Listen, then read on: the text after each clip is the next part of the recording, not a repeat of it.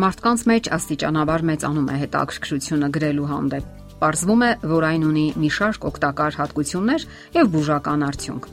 Հետազոտությունները ցույց են տվել, որ այն բարելավում է հոգեբանական վիճակը, բարձրացնում իմունիտետն ու ինտելեկտի գործակիցը, արագացնում է նաև վերքերի ապակինումը։ Ընդհանրապես գրել սիրում են պատանիներն ու արհեստավարժ գրողները պատանիները սիրում են թղթին հանձնել իրենց հույզերն ու երազանքները, իսկ գրողները գրում են հանուն գաղափարի։ Սակայն այսօր ավելի շատ են գրում։ Նպատակը ինքնակատարելագործումն է, ինչպես նաև այն փաստը, որ գրելը հանգստացնում է։ Օրագիր պահելն օրինակ բարձրացնում է գիտակցականության մակարդակը, բարելավում է հիշողությունը եւ փոխհարաբերության հմտությունը։ Միևնույն ժամանակ բարելավում է քունը, ամրապնդում իմունային համակարգը եւ ինքնավստահությունը։ Իսկ Նոր Զելանդիայում կատարված հետազոտությունները ցույց են տվել, որ գրելը դրական է ազդում ֆիզիոլոգիական գործընթացների վրա եւ, ինչպես արդեն նշեցինք, արագացնում է վերքերի ապակինումը։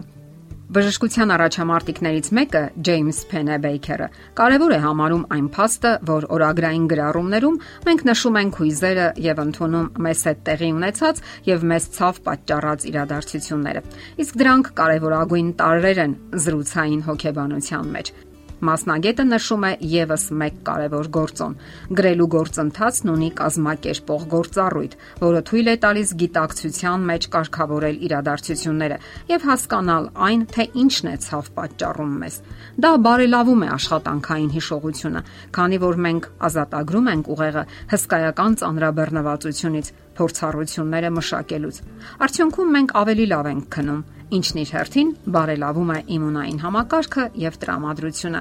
Մենք մեզ ավելի թարմ ենք զգում, ավելի լավ ենք հաղթահարում աշխատանքային հիմնախնդիրները եւ ավելի ճիշտ ենք կարգավորում միջանձնային հարաբերությունները։ Դրա մեջ ոչ մի կախարդական բան չկա, գրում է Ջեյմս Փենեբեյքերը, սակայն մենք համոզվել ենք, որ այդ մեթոդը աշխատում է։ Իսկ ինչի մասին գրել։ Այստեղ բնականաբար այսպիսի կարևոր հարց է առաջանում. իսկ ինչի մասին գրել։ Պարզվում է, որ դա ոչ մի նշանակություն չունի։ Օրագիր պահելն ու գրելը միակ եղանակն են, ողրզելու, թե ինչի մասին է հարկավոր գրել։ Այս մեթոդի մասնագետ Ջուլիա Քեմերոնը իր նկարչի ուղին գրքում խորհուրդ է տալիս արթնանալուց անմիջապես հետո այսպես կոչված գիտակցության հոսք ռեժիմով գրել 3 էջ։ Կարիք չկա ջանք թափել, որ տեքստերը լինեն խելացի, հիշարժան եւ կամ խոր։ Նույնիսկ ընդհակառակը ավելի լավ է, որ դրանք այդպեսին չլինեն։ Հարցն այն է, որ առավոտյան այդ էջերը ստեղծվում են այլ նպատակով։ Ջուլիա Քեմերոնը առաջարկում է դիտարկել դրանք որպես մակրում։ Մի եղանակ, որը հնարավորություն է տալիս ազատագրվել ամեն տեսակի չար, մանր եւ նյարդայնացնող մտքերից։ Այն ամենից, ինչն անընդհատ պատտվում է մեր ուղեղում եւ թունավորում մեր կյանքը։ Այս եղանակով բուժված լրագրողներից մեկը գրում է որ այն ազատագրել է իրեն մշտապես խելացի մտքեր արտահայտելու ծանր պատասխանատվությունից եւ դա հսկայական թեթևություն է բերել իրեն։ Ահա թե ինչու տարբերություն կա լրագրողական ոճով կամ մասնագետ գրողի նման գրելու եւ թեթև ու ազատ մտքերն անկաշկանդ շարադրելու միջև։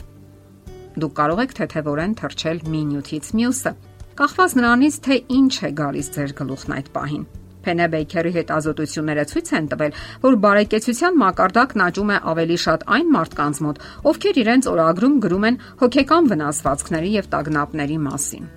Մեթոդի հեղինակը չի պնդում, որ հարկավոր է գրել ամեն օր։ Նույնիսկ մեկ փուլը կազմված 15-ից 30 րոպեից կարող է զգալիորեն բարելավել առողջական վիճակը։ Ահա թե ինչ է գրում նա։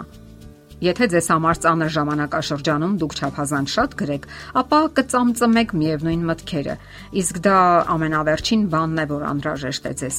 Իսկ եթե արդյունավետ թղթին հանձնեք, հեղեք ձեր հույզերը, ապա դա կօգնի, որ կարգավորեք ձեր ուղին։ Կարիք չկա պարտավորվածություն զգալ, որ ամեն օր պետք է ինչ-որ բան գրել։ Եթե դուք շփոթահար եք կամ հիասթափված, այսպիսի դեպքերում ժամանակ հատկացրեք գրելուն Գրեք 15-ից 20 րոպե, 3-ից 4 օր։ Եթե դա չի օգնում, թողեք եւ անցեք շեղող այլ գործողության։ Օրինակ զբաղվեք վասկով, այցելեք հոգեբանի, ընտրեք որևէ եկեղեցի, զբաղվեք հաճելի հասարակական գործունեությամբ։ Կարող եք գրել համակարգչով, հեռախոսի վրա կամ պարզապես թղթին հանձնեք ձեր մտքերը։ Կարևորը, որ սկսեք գրել, օգտագործելով սեփական տարբերակները։ Շատերն օգտագործում են գունավոր նշիչներ,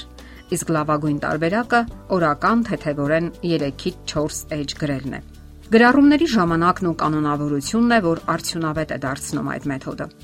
Այն տեսակետը կա, որ օրգանիզմի հոգեբանական պաշտպանական ուժերը սկսում են գործել արթնանալուց 45 րոպե հետո։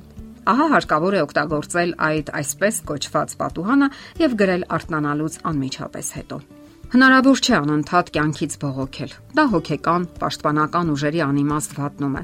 Դրա փոխարեն անցեք կառուցողական գործողությունների։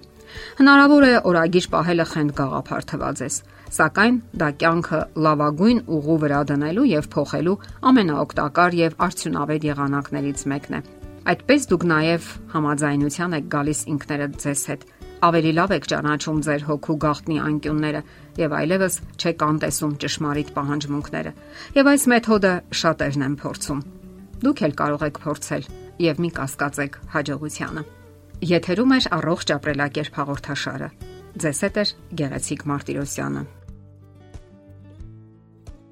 Հարցերի եւ առաջարկությունների դեպքում զանգահարեք 094 08 2093 հեռախոսահամարով։ Հետևեք մեզ hopmedia.am հասցեով։